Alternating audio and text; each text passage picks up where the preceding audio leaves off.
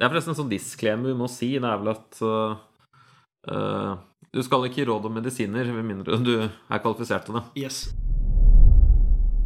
Hei, vi er Fysi-kollektivet, og velkommen til en ny episode her på Fysi podkast. Vi synes kunnskapsformidling er en viktig del av faget, og håper at denne podkasten kan komme til nytte for terapeuter, studenter og annet helsepersonell. Referanser, forskningsartikler og andre relevante lenker knyttet til dagens episode legges ut på fysi.no. Følg oss gjerne på Facebook og Instagram. Der har vi ukentlig quiz og deler relevant fagstoff.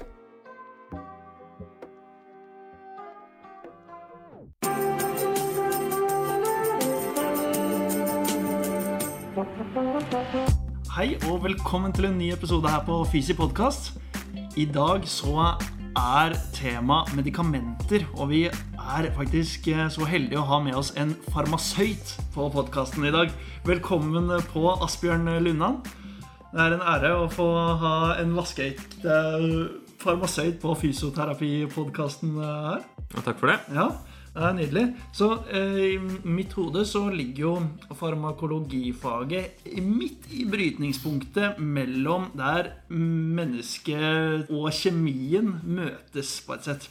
Og det er jo da dette da du kan noe om, men vi alle må jo på sett og vis møte kjemien i hverdagen. Vi, alt eh, vi gjør som fysioterapeuter også, er jo på mange måter kjemi, og eh, hvordan vi føler oss er kjemi, og hvordan medikamenter påvirker kroppen, og hvordan vi må forholde oss til pasientene, eh, er kjemi. Men er, farmakologi er kanskje mer enn kjemi også. Jeg vet ikke, Vil du si litt om hva en farmasøyt er, og hva en farmasøyt gjør på sykehus her du jobber? da? Mm. En farmasøyt det er en legemiddelekspert. Ja. Det er, eh, jeg husker jeg, Da jeg begynte å studere farmasi for ganske mange år siden, så Den første forelesningen jeg hadde, det var eh, farmasiens historie. Okay. Og Der var det en gammel professor som snakket om eh, at så lenge mennesket er kjent til lidelse, død og sykdom, så har man også søkt etter stoffer som kan helbrede lidelse, kurere sykdom og lindre smerte. Og forhindre død. Og kort oppsummert er vel det en farmasøyt er. En helsepersonell som er ekspert på disse stoffene. Veldig bra. Og ja, på sykehus så kan man jo ha mange forskjellige roller. Du vil finne farmasøyter som jobber mye med logistikk. Mm. Og så er det jo et sykehusapotek her som mm. du kan kjøpe medisiner på, som selger medisiner til sykehusets pasienter. Mm. Og det jeg gjør, er at jeg jobber som klinisk farmasøyt. Ja. Jeg jobber oppe på en sykehuspost, på, eller på to poster her oppe på Rikshospitalet, og gir råd rundt legemidler. Ikke sant. Ja. Når jeg, når jeg, liksom spurte deg Jeg har møtt deg litt rundt på posten her. Mm. Og så har vi hatt mange interessante temaer å snakke om rundt her. Og tenkte Mm. steike dette. Asbjørn må være med på podkast uh, en dag. Uh, og i dag ble dagen. Men når jeg satte meg ned og skulle forberede meg, så kom jeg også litt til kort. Fordi Mm. som fysioterapeut så vet man mye om bevegelse. Man vet, vet mye om hvordan man ja, forflytter personer eller trener personer. Eller, men hva, hva, er en medisin? Hva er det det gjør? Hvordan kan det påvirke altså, Jeg kjente at jeg var litt sånn rådløs også på, på hvilke spørsmål jeg skulle stille deg. Mm. Så uh, heldigvis så har vi en sånn liten, uh, liten fysiskare på Instagram, og sånn, så vi har fått god hjelp og fått innsendt noen spørsmål vi skal ta for oss uh, senere i episoden. men litt tilbake til hvor vi må legge nivået her på denne episoden. Da. Det er at Vi må ta det ganske ned, for jeg kan ikke mye om medikamenter. og kanskje ja, må, må, snakke til meg som at jeg ikke vet så mye om dette. Mm. så vi har lært på studiet at det er noe som heter reseptorer, og medisiner er noe som kommer inn i kroppen. men jeg syns det er gøy å stille sånn litt enkle spørsmål til noen som kan mye om det. Hva er et medikament? Det er et medikament, da, eller et legemiddel, som Ja. er kanskje det begrepet som farmasøyter syns er mest korrekt. Ja, ja, fint. Det er vel et uh, Det fins en veldig sånn vid definisjon. Alle mulige. Det må slå opp i så fall. Ja, Eh, kort oppsummert så er det vel noe du tar som påvirker et eller annet i kroppen. ikke sant. Som man spiser eller smører på eller injiserer eller Ja, Der er det jo mange måter å innta det. Er det noen eh, måter som generelt sett er eh, Kall det mer eh, raske enn andre, eller er det Ja, det, er jo, det raskeste er jo å injisere ting. Sette en sprøyte. Ja.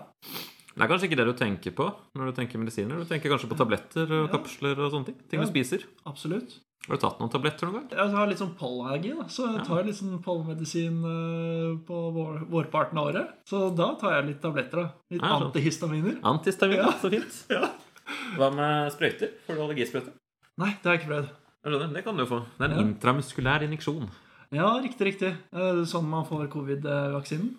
Ja, Det er vel også en intramuskulær injeksjon? Ja, men det, Det- det den satt jo den sveien i armen, så Ja, dagen etter. Ja. Da merka det. Det er eh, du som driver og løfter litt vekter. Det ble ikke noe skulderdag på deg da? Nei, Nei. jeg kan ikke si det. Kjente det litt. Det var jo veldig mildt generelt, da, vil jeg si. Ja. Men apropos sånn eh, vektløfting, og, og så er det jo et eh, medikament, eller en gruppe medikamenter som eh, kanskje er litt eh, interessant å touche inn på. da. Mm. Eh, og det er jo steroider. Ja, Vil du snakke litt om steroider? det kan jeg jo. Jeg tenker eh, steroider. Når du hører steroider som fysioterapeut Ja. som jobber på sykehus, hva tenker du på da? Mm.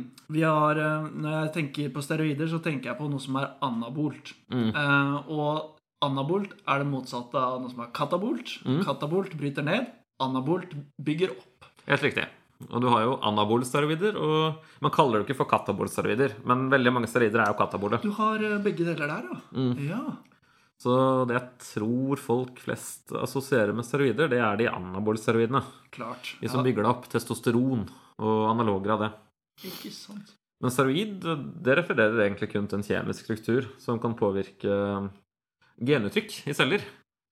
Så den strukturen den er laget sånn at den kan penetrere inn i nuklusen i cellene, og så kan eh, få skru visse gener av og på. Og kroppen syntetiserer masse steroider selv. Ja. F.eks. Kortis, eh, kortisol. Kortisol er et viktig steroid. Kortisol har jeg hørt om. ja. Ja. Stress, stress, eh, Stresshormon. hormon. Ja. steroid. ja. Og det er jo katabolt. Det bryter jo ned. Og så er det jo en god del legemidler som etterligner effekten av kortisol. Når, vi snakker om steroider på sykehus, så er det stort sett de vi mener. Legemidler okay. som prednisolon og metylprednisolon og dexametason. ja. Dexametason er jo ganske populært. Ja, det er jo noe man ser på intensivavdelingen eh, Er det det som kalles Dextor? Nei, det er noe helt annet. det er noe helt Det er, det er sedativum, det. Det ser du. får sove, da. Sove godt. Bli rolig. Lett sedasjon. Da er det litt Dextor som skal til. Ja. Men eh, det, var vel eh, dexametason, tror jeg ble, Det er vel det medikamentet som ble brukt mot covid? Ok. Eller det er medikamentet som ble brukt mot covid, som viste Ja. seg å ha litt effekt ok. hvis det du skal legges på respirator. Så, og det er steroid. ja. Og, og, og dette steroidet er katabolt og prøver å bryte ned eh, Demper immunforsvaret primært. Det er det man er ute etter. Ja. Og på Rikshospitalet her så har vi jo pasienter som ofte har, er transplanterte. Mm, mm. De vil jo få denne type steroider, kortikosteroider, med livslang behandling som regel. I hvert fall i veldig lang tid etter transplantasjonen. Riktig. For å hemme immunforsvaret. Ok. Ja, ja så, så eh, hvis vi bare oppsummerer kort Et, et, um, et steroid uh, kan enten være Det går inn i nukluset eh, og påvirker hvordan uh, da cellene jobber. Ja, Skru av på gener. Og det kan enten gjøre at den bygger mer vev opp, eller bryter vev ned Ja, på et sett. Eller setter i gang andre prosesser. Eller andre Det er mange prosesser. Hormoner som også påvirker nyrefunksjon, f.eks. Ja. Aldosteron. Aldosteron. Eh, her på Rikshospitalet så er det absolutt aktuelt med transplanterte pasienter. Ja. Og eh, litt av clouet der, som jeg har klart å forstå, da, det er jo at når man setter inn et nytt organ, Mm. så eh, har kroppen eh, ikke så veldig lyst på dette fremmedlegemet inni seg, og det må dempe hele responsen. Mm. Men hva er det som, hva er det som skjer, uh, skjer da uh, egentlig i kroppen når du tar et sånt, sånt medikament for å dempe immunforsvaret? Uh, vi vet faktisk ikke helt eh, akkurat hvordan kortikosteroidene virker. De, Mm. de har veldig mange effekter. Men de hemmer jo eh, immunresponsen på veldig mange forskjellige nivå. Både på, kort, eh, altså på kort varsel, det virker ganske raskt. Mm. Ved å hemme utskillelse av interleukiner og andre eh, substanser som eh, fører til inflammasjon. Og så Ja. på lang sikt. Ja. Og man gir det ofte sammen med andre immundempende medikamenter for å til sammen dempe immunforsvaret ganske kraftig. Så øh, hva er konsekvensen hvis man tar for mye øh, av dette katabole stoffet, da? Nei, På kort sikt så vil du jo få en veldig Vil du dempe immunforsvaret ganske mye. Og det kan være gunstig. Ja. Hvis du har en pasient som har en akutt reaksjon, så vil jo da immunsystemet liksom bli slått helt ned. Og da vil kanskje reaksjonen gi seg. Så det er jo en behandling vi gir. Det har jo også ganske mange bivirkninger, som du sikkert har sett. Det er eh, det som er litt artig med de kortikosteroidene, som ofte blir litt sånn oppstemt av de. Ja, fordi det er eh, virkelig noe som har blitt eh, de- De fremstår rusa. Ja, eller blir så veldig glad. Ja. Sover ikke så mye. og... Ja. Så det er noe vi merker her, da, når vi gir eh, sånne kjempedoser, hestedoser, ja. for det. Eh, og så kan det føre til muskelsvinn. Altså ganske stort muskelsvinn. Det er jo katabolt. ja. Og de er sikkert vanskeligere å rehabilitere. Det merker kanskje du når du trener opp hjerte- og lungetransplanterte. Ja. Jeg, jeg vet eh, ikke riktig om eh, ikke Er det sånn at den responsen på Eller hvordan det påvirker muskelvevet, skjer ganske momentant? Eller? Fordi jeg, jeg, kan ikke, jeg kan ikke si at jeg har registrert en sånn Ok, på de ukene på det forløpet til den pasienten, så merket jeg at her gikk det treigere. fordi den pasienten gikk på eh, immundempende. Det, det kan jeg ikke si at jeg har lagt merke til. Det er kanskje ikke noe du legger merke til heller, for du har jo ikke noen sånn sammenligning. Du vet jo ikke hvordan treningen hadde blitt hvis den ikke hadde stått på det. Det er godt poeng. Jeg hadde en uh, kamerat eh, som fikk testikkelkreft da han var uh, 26. Ja. Og han ble lagt inn på intensivavdelingen på Haukeland da, hvor han endte opp med å stå på en høydosekur med steroider. Og han var ganske sterk. Han tok en godt over 200 kilo knebøy. ja. Og han gikk ned 14 kilo han, på ni dager. Sier du det? Men da var han innlagt i tillegg? Da var han innlagt på en intensivavdeling. Og Ja. da fikk han, han lå nå Ja. stille i senga og Ja. fikk en behandling med dette. flate. Ja, Så han hadde jo et ekstremt muskelsvinn av den høydosesteroidbehandlingen. Fy flate. Så, men um, det er jo ikke representativt. De fleste får jo ikke noe sånn akutt muskelsvinn av det. Men det er jo vanlig at man får muskelatrofi av å stå på denne type medikamenter over lang tid. Mm. Det kan jo være greit å vite om, da. Mm. Eh, Det er jo også noe vi eh, Skal ikke si at vi har for en vane å si det, men det er ofte noe at vi sier at man kan bli litt stiv. At eh, man får kanskje mindre elastisk vev. Eh, Er det noe du kjenner til? Ja, egentlig ikke. Nei? Ja, det er jo interessant. Kanskje det er noe som Men vi eh, jeg kan jo tenke meg at det er sant. Det er, Ja, Kanskje det står i den bivirkningslista at du slår opp i felleskatalogen. ja, ja. ja så, Muskelstivhet. Nå kan det hende at uh, mange av våre lyttere uh, vet hva felleskatalogen er. da. Hva bruker du det til som farmasøyt? Felleskatalogen er en oversikt over uh, alle legemidler som er markedsførte i Norge. Den er ikke, eller den er ikke produsert av myndighetene. Det er en privat redaksjon som lager den, men den gir ofte en ganske god oversikt over Hvis du lurer på et medikament, da, hører et navn, eh, si at du hører om prednisolon og lurer på hva det er, så kan du laste ned en app som heter Felleskatalogen. Og søke det opp der. Og så vil du få opp informasjon om hva det er, hvordan det brukes, hva det brukes mot, Ja. hvordan det skal doseres, hva slags pakningsstørrelser som finnes, hva slags bivirkninger det har. Ja, men så hvis man tar det så bare Fordi det står enorme mengder med informasjon Ja, ja, der. Eh, Så når, hvordan, hvordan anvender du det? Når du liksom eh, Det er kanskje ikke riktig, men hvordan vil du anbefale at vi anvender det? Hvilke bolker vil du prioritere å se på? Fordi det, du har jo interaksjoner, du har bivirkninger, du har eh, Altså, du har jo innmari mye, mye Ja, det, er, det, snacks å deg til. det er veldig vanskelig å vite, da. Men det har jo, du har jo forskjellige kategorier, som du sier. Ja, jeg er ofte inne og ser på bivirkninger, da. Eh, Fordi jeg syns jo det er interessant å, å liksom eh, eh, Men det var jo litt sånn som vi var inne på introduksjonsvis før vi trykket record her også. At sånn, de bivirkningene som står der, er jo i høy grad eh, noe jeg kunne opplevd uten å ta det medikamentet. Jeg har hodepine. Jeg føler meg svimmel. Du kan uh, slå opp eh, bivirkninger på Prednisolon nå. ja, Du får jo opp en liste som er langt som et vondt år. Hvor du har liksom alt fra uh, trombose Det kan du jo få, for så vidt. Nedsatt antall lymfocytter. Ja. Ja. Kan få ødem. Katabolt.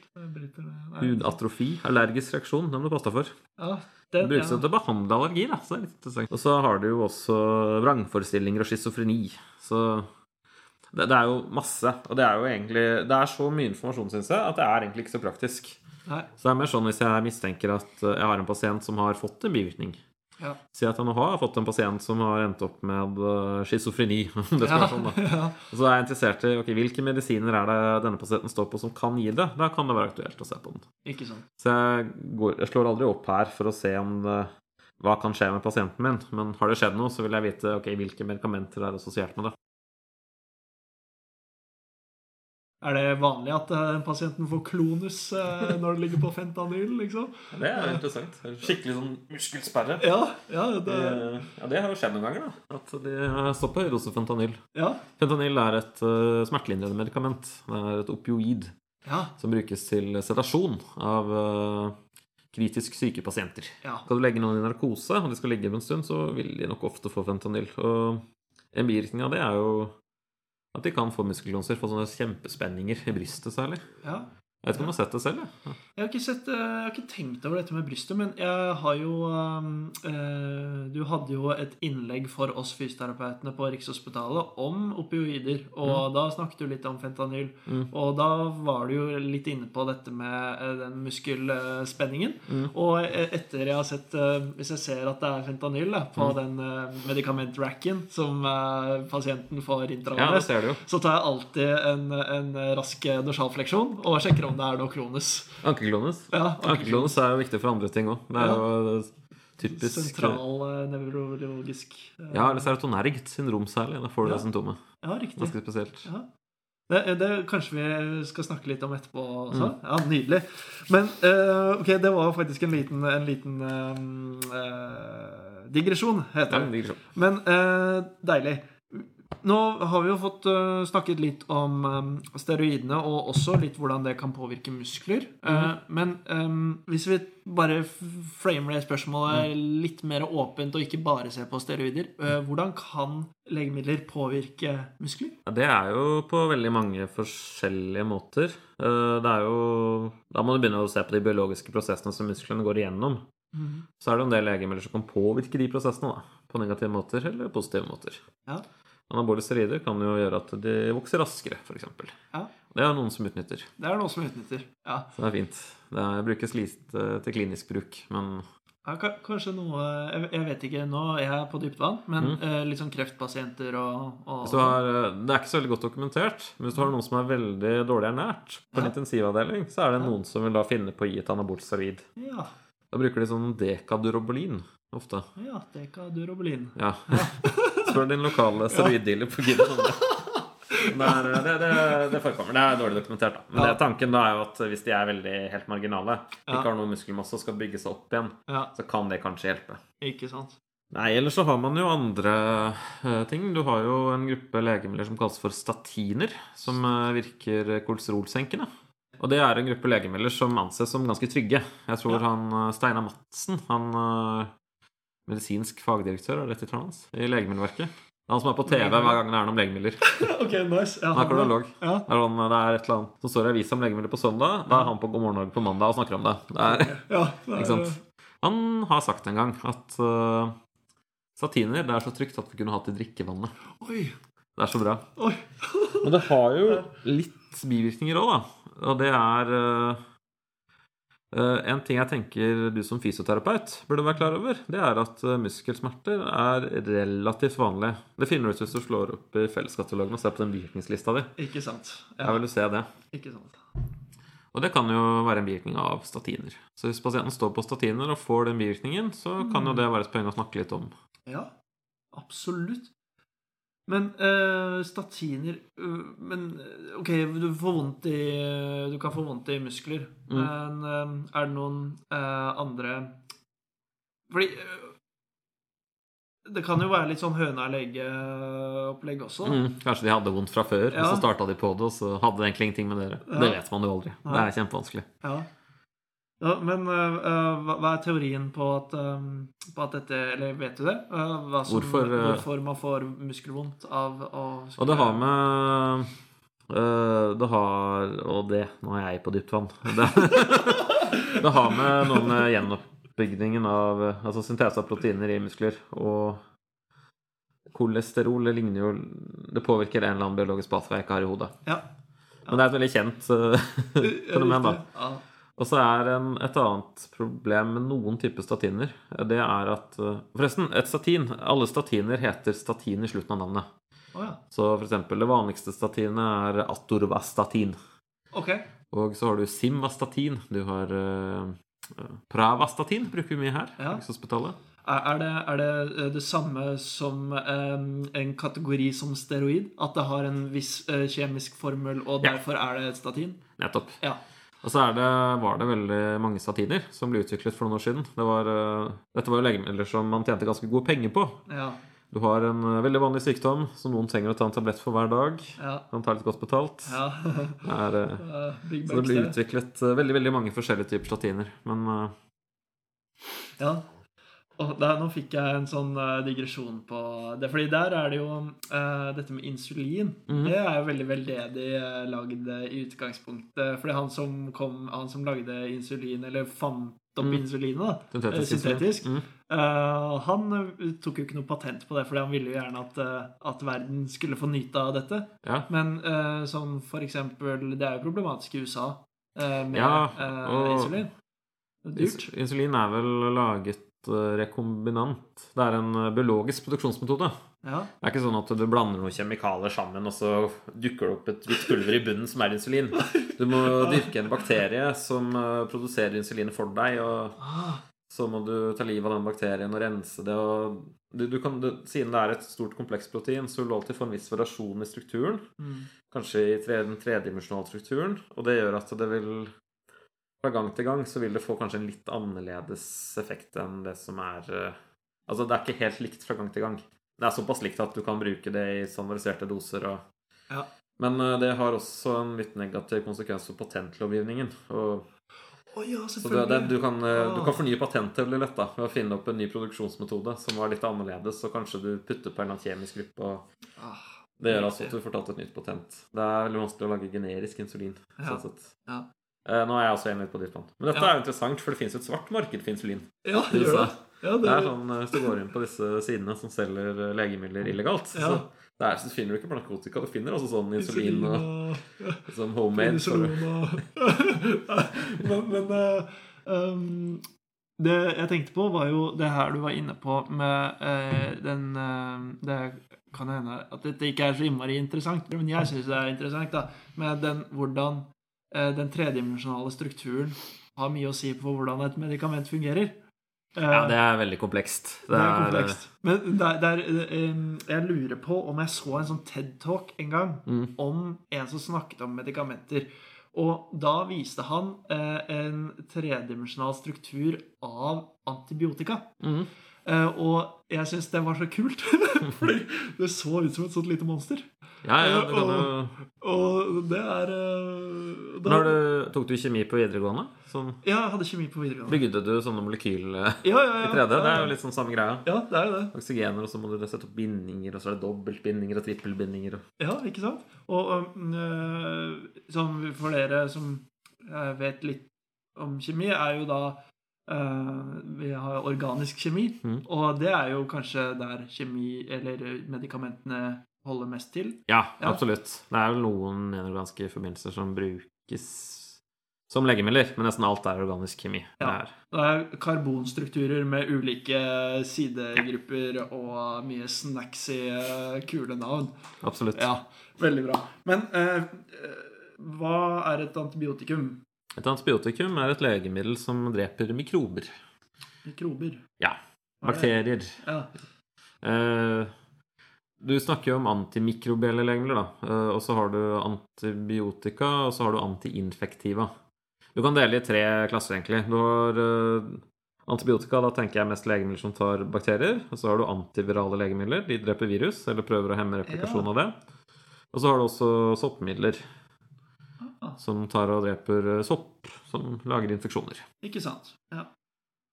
Og uh, de er veldig nyttige hvis du, du har sikkert hatt en infeksjon en gang. En lungebetennelse eller en Ja, ja. ja uh, absolutt eh, fått antibiotika. uh, Jeg hadde et sår eh, på leggen som eh, ikke ville gro helt. Og da fikk jeg jo eh, hadde litt operasjoner og sånn eh, rundt det. Og Det høres alvorlig ut. Ja, det var jo litt alvorlig, faktisk. Du var plastikkirurgen. Ja, det jeg føler I den podkasten her så er det sånne små stikk til den Mm. der beinhistorien min. Eh, Fordi det er sånn, Jeg vet ikke hvorvidt den er fortalt i sin helhet, men det kan jo være litt sånn cliffhanger òg. Men, men, er, nå er det neste detalj Ja, skal nå avsløres. Men eh, da, i denne luken så skal du få høre hva. Fredrik fikk på sykehuset. Eh, Ja, det det. Ja, nei, men da fikk jeg jo antibiotika eh, Mhm. profylaktisk eh, eh, før eller etter operasjonen for å, at jeg ikke skulle få en infeksjon. da. Mm. Um, og så var det jo noe, noe greit, det, da. Uh, jeg tenkte ikke, eller kjente ikke så mye på det. Jeg fikk mye annet rart òg. Mm. Men um, hypotetisk, da. Hva er det som skjer med deg hvis du Eller hva kan skje med deg? Hovedårsaken til at du får antibiotika, er at du kanskje vil unngå å få en infeksjon. Ja, enten profylakse, som er å forebygge en infeksjon, eller behandling. Ikke sant? At du har en aktiv infeksjon, og du vil prøve å bli kvitt den. Drepe mikrobene. Ja. Og er det noen um, bivirkninger av å få det her som kan påvirke hvordan vi møter pasienter i vår hverdag som fysioterapeut? Eh, De aller, aller, aller fleste antibiotika eh, påvirker ikke din jobb overhodet. Men det er noen få som gjør det. Eh, Den første gruppen det er en type antibiotika som kalles for fluorokinoloner. Som eh, Det må du huske. Det Fluoro, det er i hvert fall noe fluor i eh, Kinoloner, da, kan du kalle det. Det er fluor i de, faktisk. Men de, de kan påvirke egentlig eh, nesten alt som har med sånn sener og bindevev og sånne ting. Okay. Det er en eh, Vi snakket litt om steroider i stad. Det er en italiensk registerstudie som har sett på insidens av akillesseneruptur Ja. i en kohort. Jeg tror det var 200 000 pasienter. Og da oppdaget de at oddsen for å få en akillesseneruptur var 42 ganger høyere. Eller altså ganger 42-gangeren. Mm. Hos de pasientene som hadde stått på en kur med fluorkinoloner. Ja. Og fikk også da eh, prednisolon, eller steroider. Oh, ja. Så det er en kjempeøkt insidens av det. Det er litt artig. Den er jo vill, da. Eh, Så de medikamentene eh, interagerer med hverandre mest sannsynlig, da. Ja, eller Antakeligvis så vil begge påvirke, altså øke risikoen for at du får en akillesseneruptur. Og så summen av de blir mye større enn Ha. enkelt. Og det er veldig gøy på sykehus. Eller jeg da som sitter og har intensivpasienter. Ser liksom at oi, her har vi økt sjanse for akillesseneruptur. Ligger sedert i senga. Kanskje ikke så stor sjanse akkurat nå. Nei, da må du si fra til fysioterapeuten, så du ikke skal dra til eh, Ta en liten knekk. Skal ikke gå i trappa nå. Det blir for mye. Det blir for mye. Nei, men, men eh, det, det kan jo være eh, Eller er dette da antibiotikum som er veldig sånn eh, uvanlig å ha ellers, eller? Nei, vi har masse av det på sykehuset. Men det er Ja. sjeldent eh, førstevalg. Og det har med at det ofte utvikles resistens mot det. Mm. Vet du vet hva antibiotikaresistens er? Ja. ja, det er jo da at eh, det ikke funker lenger, da. Mm, ja, at mikrobene de lærer seg å håndtere det. De blir ikke påvirket av det lenger. Riktig. Evolusjonen går fort. Mye fortere enn Ja. eh, det vår tankegang er. Men det er jo én ting, da. Og så er det jo en del andre antibiotika som påvirker eh, Eller kan f.eks. øke plasmakonsentrasjonen, øke mengden av andre legemidler du har fått. Hvis vi kommer tilbake til disse statinene, da, så kan de muskelbivirkninger Eh, Det er en viss type antibiotika som kan øke konsentrasjonen av statinet i blodet. Okay. Altså øke mengden du får i deg effektivt sett med fem-seksgangeren. Ok. Så hvis du til vanlig tar eh, 40 mg med simvastatin, for Ja, eksempel, da, ja. og så har du god effekt av det, kolesterolet ditt er fint, og legen er fornøyd, og du er fornøyd, og Ja. kan spise litt bacon, og alt er bra, Ja. og så får du plutselig en sånn sårinfeksjon, og så får du, skriver legen ut da, en kur med f.eks. erytromycin. Så kan det hende at den effektive dosen du da får av det statinet, vil være i stedet for 40 mg, så blir det 200 mg. Ja, Og da kan du begynne å få bivirkninger.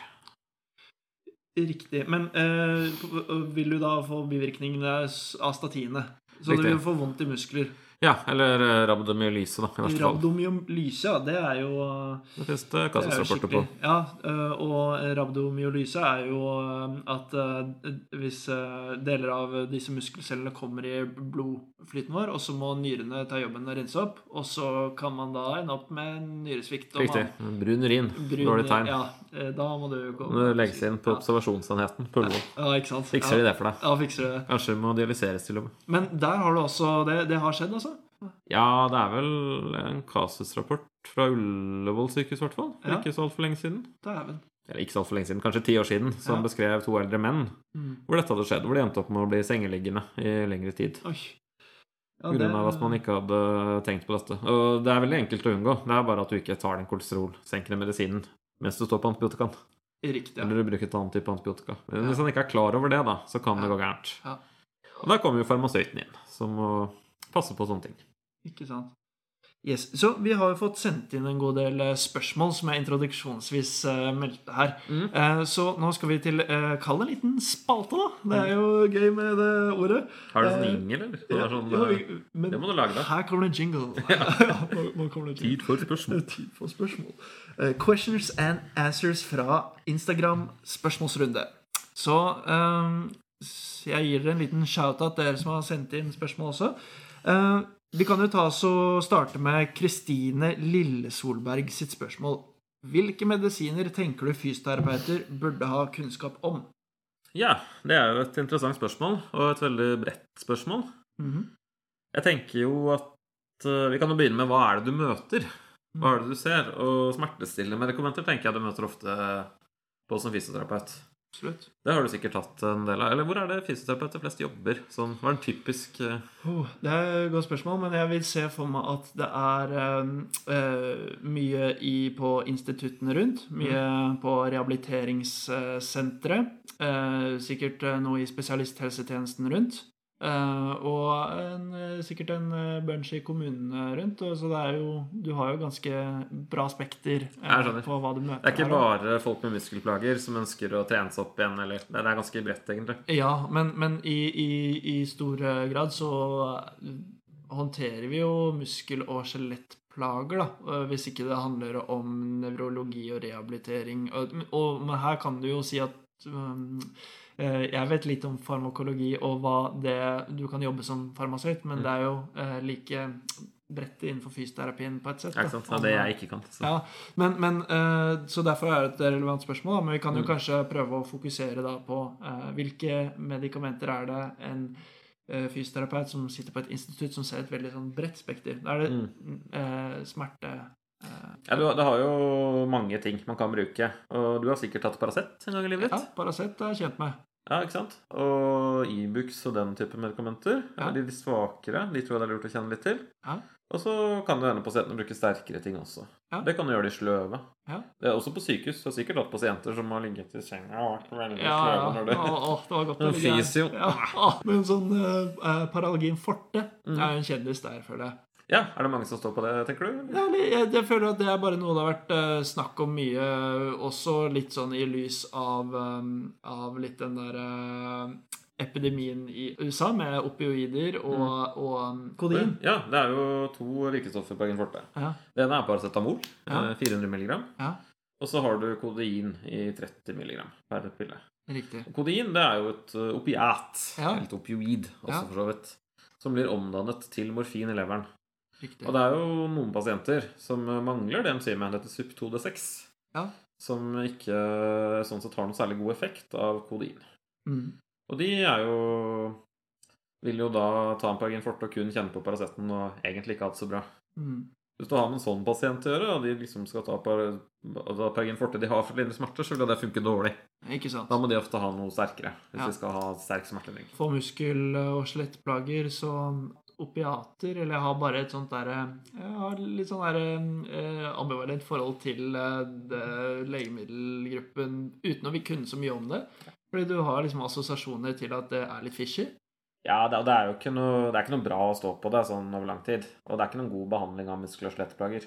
Jeg syns egentlig det er litt sånn nederlag om vi må sette en pasient på opiater pga. ryggsmerte eller tilsvarende. Ja, Men det kan være nødvendig da, for å få pasienten mobilisert eller så gjøre noen ting i det hele tatt. ja, Og postoperative pasienter de vil jo veldig ofte få opiater etter operasjonen. ja. Og en del av det handler jo bare om at de skal tåle treningen. De skal orke å reise seg opp og gjøre det Mm. de skal gjøre. Er det ofte da at de eh, som da har vært operert, og så blir de sendt hjem, og så har de fått med seg en eh, bunch med, med Ja, Det er jo den amerikanske cocktailen det, på oppskrift på avhengighet. Du Ja. gjør et eller annet enkelt inngrep, trekker en tann eller noe sånt. Ja. Så får du plutselig 100 tabletter med sterke narkotika hjemme. Ja.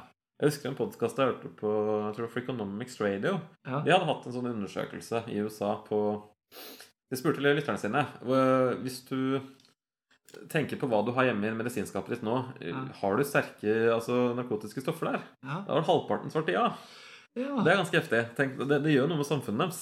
Det gjør det helt klart. Det hadde vært interessant. å- fordi det er ikke sikkert at eh, svaret har vært like rungende ja her i Norge. Nei, det tror jeg ikke. Men det er jo en økende trend også. Dette blir jo en litt sånn digresjon, da, egentlig. Ja. Uh, Jeg tenker kanskje mest disse andre medikamentene. NSIDes og sånn er det man burde ha mest kunnskap om.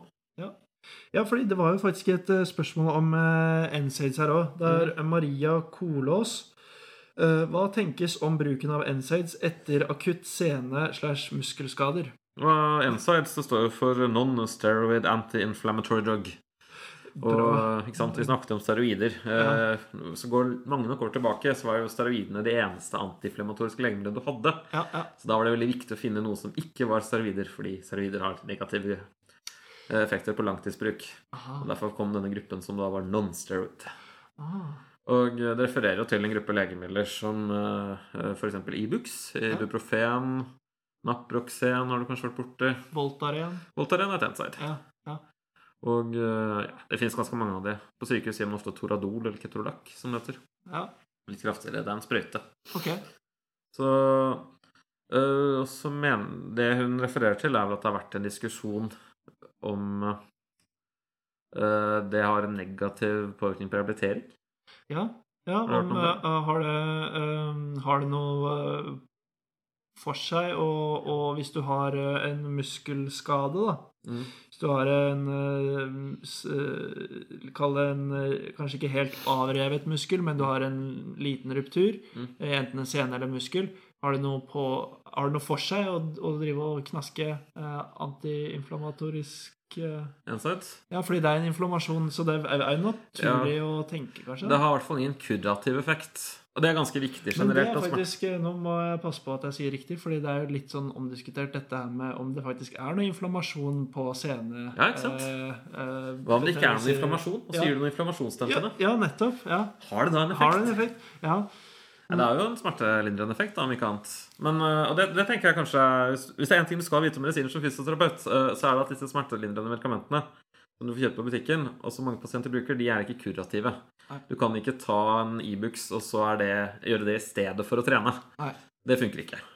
Godt uh, presisert. Det er vel det Ja. eneste man skal huske. Man skal huske på det. Ja. Så det er et viktig poeng. ja.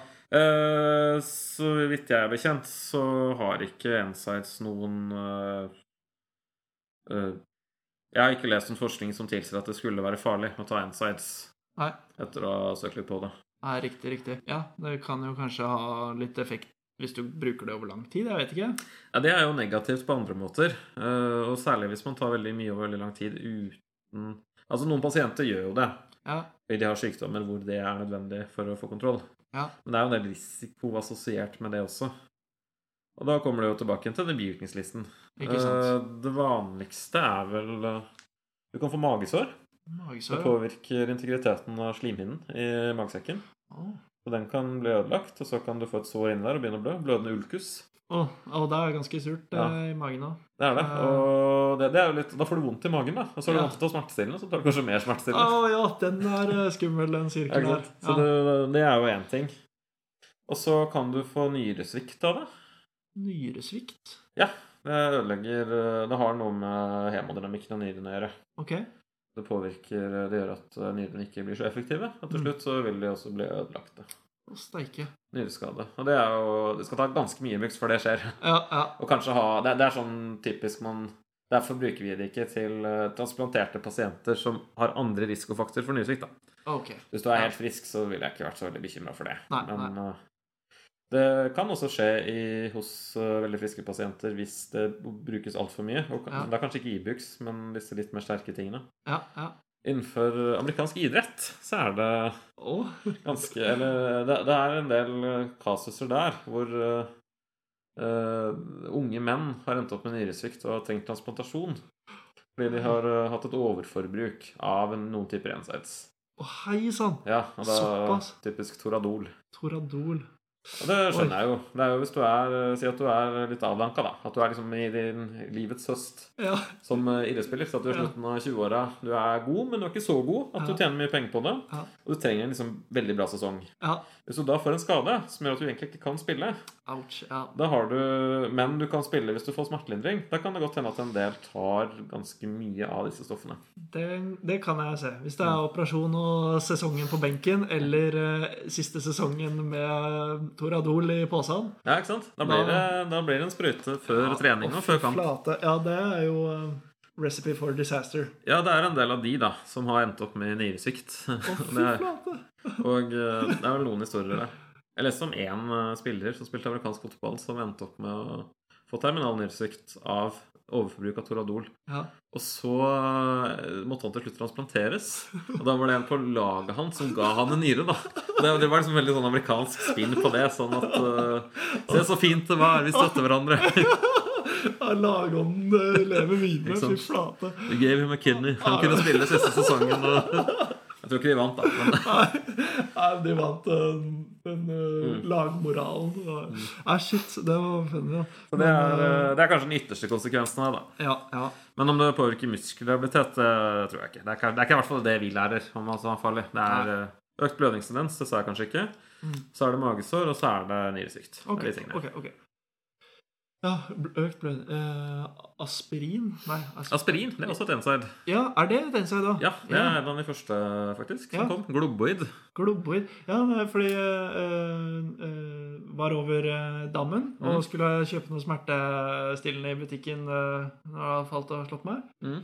Da var det jo aspirin eh, Ja. som var på diskene. Og, Mm. og, og, og noe jeg mente å huske på, var at dette var altså eh, brukt som blodfortynnende. eller Ja da, det, det er veldig vanlig det. Og da trenger du en mye lavere dose. Så det er veldig mange pasienter i Norge som får det. Eh, Det er Ja. ekstremt vanlig. Ja. Albyl Det preparatet heter. E, okay. Ja, altså det- tilsalicylsyre. Dæven, når du sier det på den måten, så kjenner jeg det. Ja? Ja. Og så går i kurven da, til Ja. pasienten, så kan du sikkert se altså tilsalicylsyre. Ah, Og det er jo vanlig for eh, blodfortynnende å stå på hvis man har koronarsykdom eller, riktig, ja. eller lav terskel å satse på. Men da tar man jo typisk kanskje 75 mg om dagen. Ja. Mens hvis du har smerter, som når du var i USA, da Ja. tok du sikkert 500 mg eller mer. Jeg kan hende. Jeg... Og det spennet i dosa er ganske stort. Ja. ja. Ok, ok. Men Men nå er jeg litt på dette med eh, blod og kar og sånn. Så har Iselin Kvamme Vestnes et spørsmål.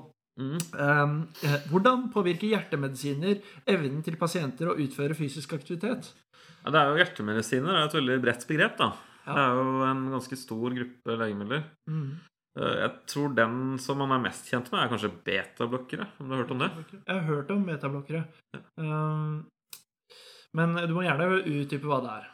Ja, Betablokkere det er en type legemidler som blokkerer beta-reseptorene. De adrenerge beta-1-reseptorene. oh, deilig. Sitter Ja. typisk på hjertet. Ja. Og de fører til at hjertet ikke slår så hardt og ikke så fort.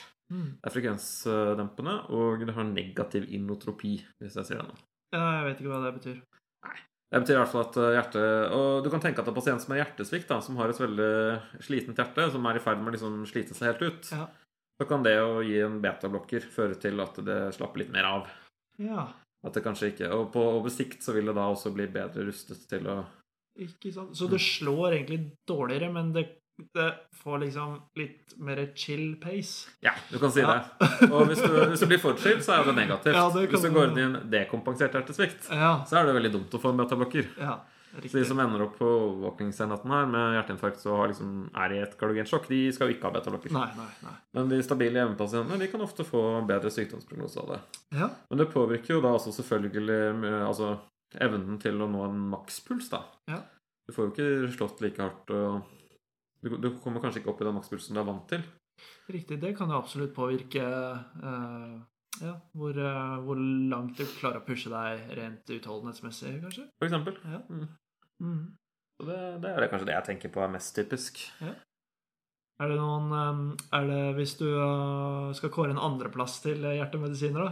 Den er, det er tricky spørsmål, fordi betablokkere, det har man jo hørt om. Det er jo på toppen. Ja, det Ja. brukes jo til masse. Ja. Det brukes også sånn sceneskrekk. Så... Gjør du det? ja, hvis du er Ja. skuespiller og syns det er dritskummelt å gå på Ja. scenen, så kan det hende du tar en liten betablokker også. Ja, ja, men, og, ja, og jeg har også hørt om at um, hvis man er plaget um, med f.eks. hodepine som er uh, relatert til pulsøkning, Mm. at man da kan få betablokker for hodepinen. Helt riktig. Ja. Migrene. Da får man Ja. uh, betablokkeren propranolol. Oi, oi. Ja, nå Det er egentlig sånn potetmedisin. Jeg følte det brukes alt mulig. Ok, men da har jeg et spørsmål. Eh, Det er noe som eh, det, det her blir jo kanskje sidetrack uh, igjen, da, men uh, Cordarone Amiodaron. Ja, Hva er det? det er et antiarytmikum eh, som brukes eh, ja, til å behandle arytmier. Ja. Og det Jeg skal ikke gå inn på hvordan alle antirytmika virker, men uh, Cordarone det har liksom litt uh, sånn effekt på alle de forskjellige reseptorene på hjertet. Ok, ok. Uh, jeg liker å tenke at uh, hvis du gir en intravenøs bolus med Cordarone, så er det liksom å ta hjertet, som da går for fort, for Ja. da flimmer eller et eller annet. Ja. Så dynker du det i sirup, og så slår du det saktere. Alt blir liksom litt mer seigere. Så holder det sånn der. Ja, så, og når du sier bolus, så er det på en måte en dose, da. En rask dose. En rask dose. Ja, Det typiske er at pasienten har flimmer, ligger inne på sykehus, og så Så blir på en måte arytmien litt mer eh, litt mer chill. Ja, litt mer chill Og det er jo ikke bare frekvensregulerende. Altså, det er ikke sånn pulsen går ned, men det kan også påvirke selve arytmi- altså mønsteret. da. Ja, ok, ok. Du må få en kardiolog til å snakke om det. Ja, ja, ja. Så det er gjerne hvis du har noe flimre eller takikardier Mm. av eh, noe sånt, så får du det. Men eh, det er kanskje ikke noe du går på lenge, da? eller? Eh, noen pasienter gjør det. Okay, okay. Eh, Cordarone er vel også ganske spesielt eh, fordi det har veldig lang halveringstid. Det sitter veldig lenge i kroppen. Ja. Det er snakk om noen type 100 dager. Oi, såpass! Det, eh, det, nå, nå går vi faktisk litt over mot uh, Vi har et spørsmål fra Stefan Karl eh, Johansson. Mm. Uh, og um, uh, da tenker jeg kanskje halveringstid kan være en relevant pitch der. da, fordi Spørsmålet til Stefan er Bygger man toleranse mot alle typer medisiner. Hvor lang tid tar det før toleransen går ned igjen etter man har sluttet på medisinen? Ja, dette kan jo Bygger man toleranse mot alle typer medisiner? Nei, det gjør man ikke. Nei. Noen medisiner utvikler man toleranse mot. Toleranse i denne sammenhengen vil jo da bety at eh, du må ta mer av medisinen for å oppnå samme effekt over tid. I dag så kan det hende at jeg kan gi deg 10 mill. eller én tablett om Paragin forte, så syns du det er god smertelindring. Mhm. Men hvis du tar én tablett hver dag over tid, så vil etter hvert ikke det gi samme effekt. Du må ha mer. Større og større doser. Det er det jeg tenker med toleranse. Ja. Eh, Noen medisiner er sånn. Eh, Typisk er ting man kan bli litt lett avhengig av. Mhm. Eller også andre ting, for så vidt. Eh, Mens eh, andre ting er ikke sånn. Disse N-sidene, eksempel, de er det ikke toleranse mot. sånn, Hvis du har effekt effekt du- av 600 mg Ibux, så vil du fortsette å ha det. Riktig, ja. ja. ja. Så den ene så kan du klare å spise på deg en nyresvikt, og den andre, hvis du tar da typ opiater, så en respirasjonssvikt. Ja, og det er jo en annen ting. Det er jo Du utvikler toleranse mot de forskjellige effektene på et forskjellig tempo. Ja. Du kan være avhengig av opiater, og der er det nesten ikke noe reelt tak på hvor mye du kan ta Nei. hvis du blir avhengig nok. Det er helt ekstremt. Da. Men uh, du, du har jo forskjellige effekter av opioider som du utvikler toleranse mot. Altså den smertelindrende effekten, den øh, er liksom gradvis mer og mer. Uh, en annen ting du får av å ta opioider, er at pupillene dine blir veldig små. Oh. Der utvikler du ikke toleranse Eller der, jeg mener, der, har, der er det ikke noe toleranse. Det er sånn at øh, selv om du etter hvert, så vil du få den bivirkningen uansett. Ah. Om du tar sant. 10 milligram eller 100, eller om du tar et gram om du er der oppe. Ja. Hm. ja, det er jo interessant. Det er jo i motsetning til mange, mange drogere som gir store pupiller. Mm. Det, det er Ja, det er en annen gruppe legemidler. Ja, men eh, bra. Vi, eh, men ikke alle medisiner gir toleranse. eh, bygger toleranse. eh, Mm. Og det er ulikt eh, hvor fort den går ned, eller? Eller er det Ja, det, det er jo du, du har jo du snakket litt om halveringstid. Det Ja, handler jo om hvor fort det, det, uh, eh, hvor lang tid det tar for et medikament å komme ut av kroppen. Og det er også individuelt uh, Eller det, det varierer fra medisin til medisin. Ja. Du kan typisk slå opp et tall i f.eks. Felleskatalogen, Ja. hvor det står uh, ti- eh, hvor lang tid det tar. da. En halveringstid det er den tiden det tar for halvparten av medikamentet å komme ut. Ikke sant. Og man anser at eh, medikamentet er ute av kroppen etter et sted mellom tre til fem halveringstider. Ok. Hvis du har en halveringstid på 100 dager, så betyr det at det tar et sted mellom 3 til 500 dager før det er helt kvitt kroppen. Ikke sant. Ja, det skjønner. Tre til fem halveringstider før det er ute av kroppen. Andre okay. medisiner har halveringstid på noen sekunder. Det er, Riktig, eh, riktig. da må du ha et kontinuerlig drypp gående for at det hele tatt skal ha en effekt. Ikke sant? Ja. øyeblikket du skrur av, så er det borte. Ja. Dæven. Ja, ja, ja. det, det er stor Eh, variasjon. Stor variasjon der, ja. Huh. Ja, men det, det er jo Det har sin eh, Det gir mening, på et sett.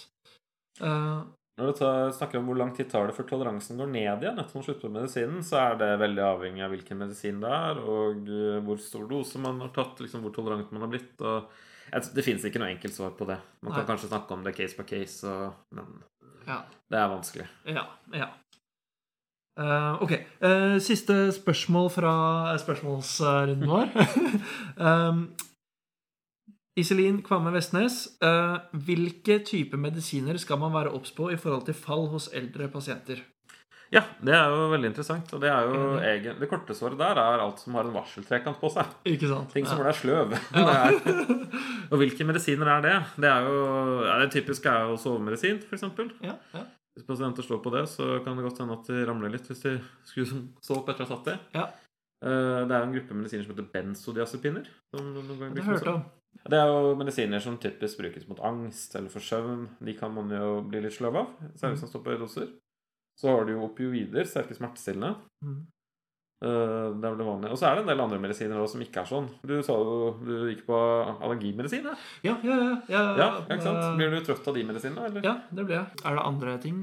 Ja, alt som virker på nervesystemet, egentlig. Psykotika, ting som er uh, Noen epilepsimedisiner, det er Alt som mulig deg sløv. Og det er egentlig ja. ganske lang liste. Ja. Har du noe liksom sånn eh, praktisk eh, hvis, du, hvis du skal eh, få en eh, oversikt over hva slags medisiner eh, en eh, pasient eh, går på mm. Så nå er det jo kanskje en, en eh, velsignelse å være på sykehus hvor du da kanskje har en liste, men, men hvordan er det man eh, skal gå fram for å innhente denne informasjonen på en ryddig måte? Fordi eh, Ja, det er egentlig ganske vanskelig. Eh, Det er eh, altså for leger, da, og, og i hjemmetjeneste og institusjon og sånn Jeg sier at det kommer en pasient inn i et akuttmottak. Så har man jo måter å gjøre dette på. Man har jo en kjernejournal, f.eks. Ja.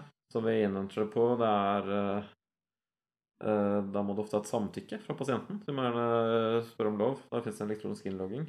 Riktig? Men ofte så er jo det som står der, ikke riktig. Det er Nei. Ja, legen hadde, det, er ofte en liste over resepter. Og dette Ja. er det som er skrevet ut.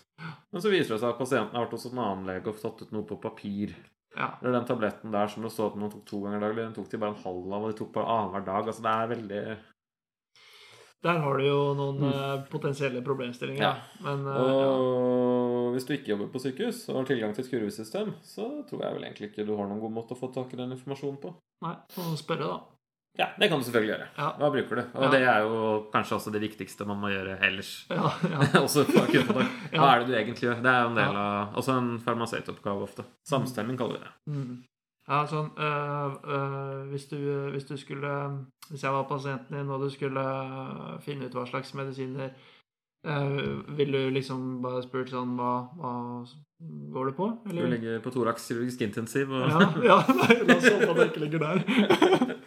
Nei, da vil jeg hvis jeg Nei, Man har en uh, strukturert fremgangsmåte for å gjøre det på. Uh, Da, da, da sjekker man ofte flere kilder. Da kan man jo f.eks. ringe til fastlegen din og få ut noe informasjon der. Ja. Jeg kan sjekke denne kjernejournalen, så Ja. litt på der. Ja.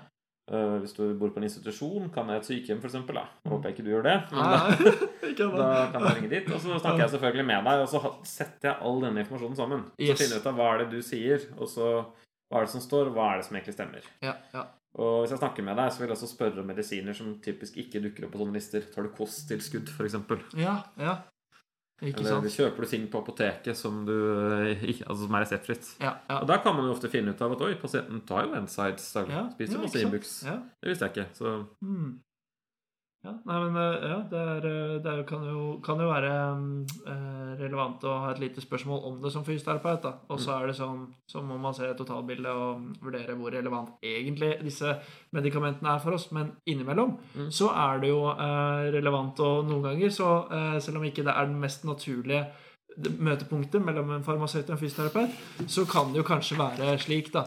Eh, Og det bringer oss litt over i den siste spalten vi har her. Det er eh, nesten en fast spalte her på Fysikpodkast, og det er da aha-opplevelser. Der eh, lurer jeg på da om du har noen eksempler fra den kliniske hverdagen. Og i dag så lurer jeg på liksom, om du har en erfaring der eh, samarbeid mellom farmasøyt og fysioterapeut har vært nyttig. Eh, om du har noen opplevelser fra det? Ja, det har jeg faktisk. Eh, Det er bra du spør. Ja.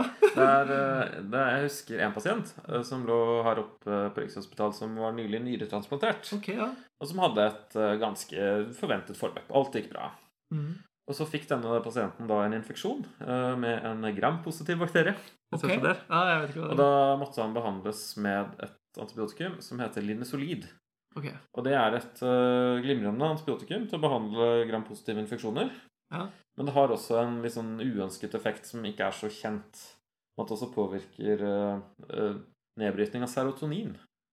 Ja, ok, Så, så um, hvis vi bare tar uh, Jeg vet ikke hvor relevant det er, men gra, gram-positiv? Er det et, en Ja, det er type mikrobe? Ja, det er en type mikrobe. Ok, Og serotonin, hva er det? Serotonin det er jo er, Hvis du leser VG, så er det sånn lykkehormon. Ok, ok. Ja. Men det er jo de fleste antidepressiva. De Ja. virker ved å altså hemme nedbrytning av serotonin, ja. f.eks. Eller øke reopptak i synapsene. Ah. Så de påvirker det systemet. Og hvis du kombinerer da linsolid med et antidepressivum, så kan du få for mye serotonin i kroppen. Og det som Ah. skjedde med denne pasienten, det var at man startet opp linsolid eh, midt i uka. Og det er antibiotikumet? Det er antibiotikumet, Ja, er viktig. ja. Og så startet man på i helgen, fordi han sov litt dårlig, Ja. på et medikament som heter Tolvon. Og det ble egentlig startet opp fordi han skulle sove bedre. Ah. Men så har det også litt antidepressive effekter. Ok, Og det, det har de god erfaring med å bruke. Ja. Når du da kombinerte de to, så ble pasienten overdosert på serotonin. Å, steike. Og uh, den som fanget opp det, det var en kollega av deg som så at uh, her skjedde en endring i bevegelsesmønsteret. For han var egentlig ganske mobil. Klarte å strekke ut armen, ja. ta et glass, drikke. Og det forsvant helt plutselig over natta etter han begynte på den komboen. Ha. Da ble han plutselig helt sånn stiv og Oi. klarte knapt å bevege armen. Og. Eh, resultatet ble jo at pasienten Han var jo, ble jo ganske syk av det. Ja. Og så da snakket jeg med din kollega, og så fant jeg ut av dette at oi, her er det jo en kombinasjon av medisiner som kan forårsake dette. ja. Og da så gikk vi sammen og, til legene og, så, og snakket om dette. Og da tok de bort den antidepressiven. Antibiotikum, og etter det så ble han spontant bedre. Jeg sier det. Ja, Så, så rett og slett eh, Da fikk denne pasienten serotonerkt syndrom. Mm. eh, Og det artet seg på den måten at det ikke gikk an å bevege seg ordentlig. rett og Ja, det ble mye mer lost. ja, ja, så, Vi kan sikkert legge ut en liten litteratur. eh, Ja, ja, men det er, det er genialt. Men det var jo faktisk et sted der, Mm. der fagfeltene møttes, da. Ja, og det er egentlig ganske vanskelig å catche det. Ja. Fordi du Altså, symptomene på serotonergt syndrom er ganske er ofte ganske tilfeldige. Det er, Ja. du, du klarer liksom ikke å sette det i en sammenheng. Ah. Men uh, vi klarte liksom å koble dette, da. Fy Endringen i bevegelsesmønster. Og jeg går jo ikke inn og sjekker alle pasientene hvordan de har det. ikke sant? Nei, nei. Så at hun sa det var helt viktig for meg, for at jeg kunne da gjøre et sjekk på hm, er det noe sånt her. Så det, det var bra. Så det var min aha-opplevelse. Ja, ah, fin aha-opplevelse, og bra observert av min kjære kollega. Mm. Uh, så ehm, over til eh, avslutningen her nå. Eh, vi pleier å lage et innlegg på uh, fysio.no, der vi skriver litt informasjon om episoden. Det ligger et bilde av oss der med gjest og vert. Og, så har vi kanskje det mest interessante for den engasjerte lytteren her ute. Vi har eh, litt lenker og litteratur som man kan gå litt mer i dybden, da. Eh, og ja, har du, noe, har du noe å by deg på til til Ja, det kan jeg finne frem. Ja. Både enkle og vanskelige kilder. Ja, kjempebra. Ja, da, vi kan jo ta så, eh, Vi får legge til en eh, link til felleskatalogen, fordi den er på en måte bibelen her. Mm. Eh, Den finnes jo også som app. den finnes også som app. Det er eh, Mm. Uh, og så kunne vi jo kanskje dette med seroton, seren, senitonerg Nei, Serotonergt. Serotonin. Serotonergt. serotonergt syndrom. Ja, for det kan være litt funny å lese på, selv om det ikke er noe funny å ha. Så Nei, det er jo et sjeldent syndrom som er ganske har dårlig prognose. Ja, ja uff, uff. Nei, men uh, interessant er det. Uh, veldig bra. Uh, har du noe eh, mer på hjertet før vi runder av eh, episoden? Jeg tror jeg får sagt det jeg ville. Veldig bra. Jeg tror jeg har fått spurt om det eh, jeg ville for denne gang. Eh, jeg, jeg kommer og henter deg på intensivavdelingen her oppe og, og spør og spør hva, hva syns du om dette. Men uh, det høres bra ut. Jeg er i hvert fall veldig glad for at eh, du tok deg tid eh, til å være med på podkasten. tusen takk for det. Så håper jeg at eh, våre lyttere der ute har lært eh, noe mer om eh, legemidler. Så tusen takk, Asbjørn. Mm. Så får dere ha, ha det bra, så hører dere oss senere her på Fispodkast.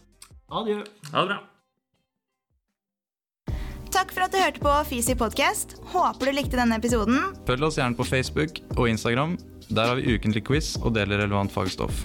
Vi selger T-skjorter og annet merch på fysi.no. Vi har mange planer og mål, og omsetningen av merch skal vi bruke til videre prosjekter og kunnskapsformidling. Husk å abonnere og rate podkasten, slik at vi når ut til flere.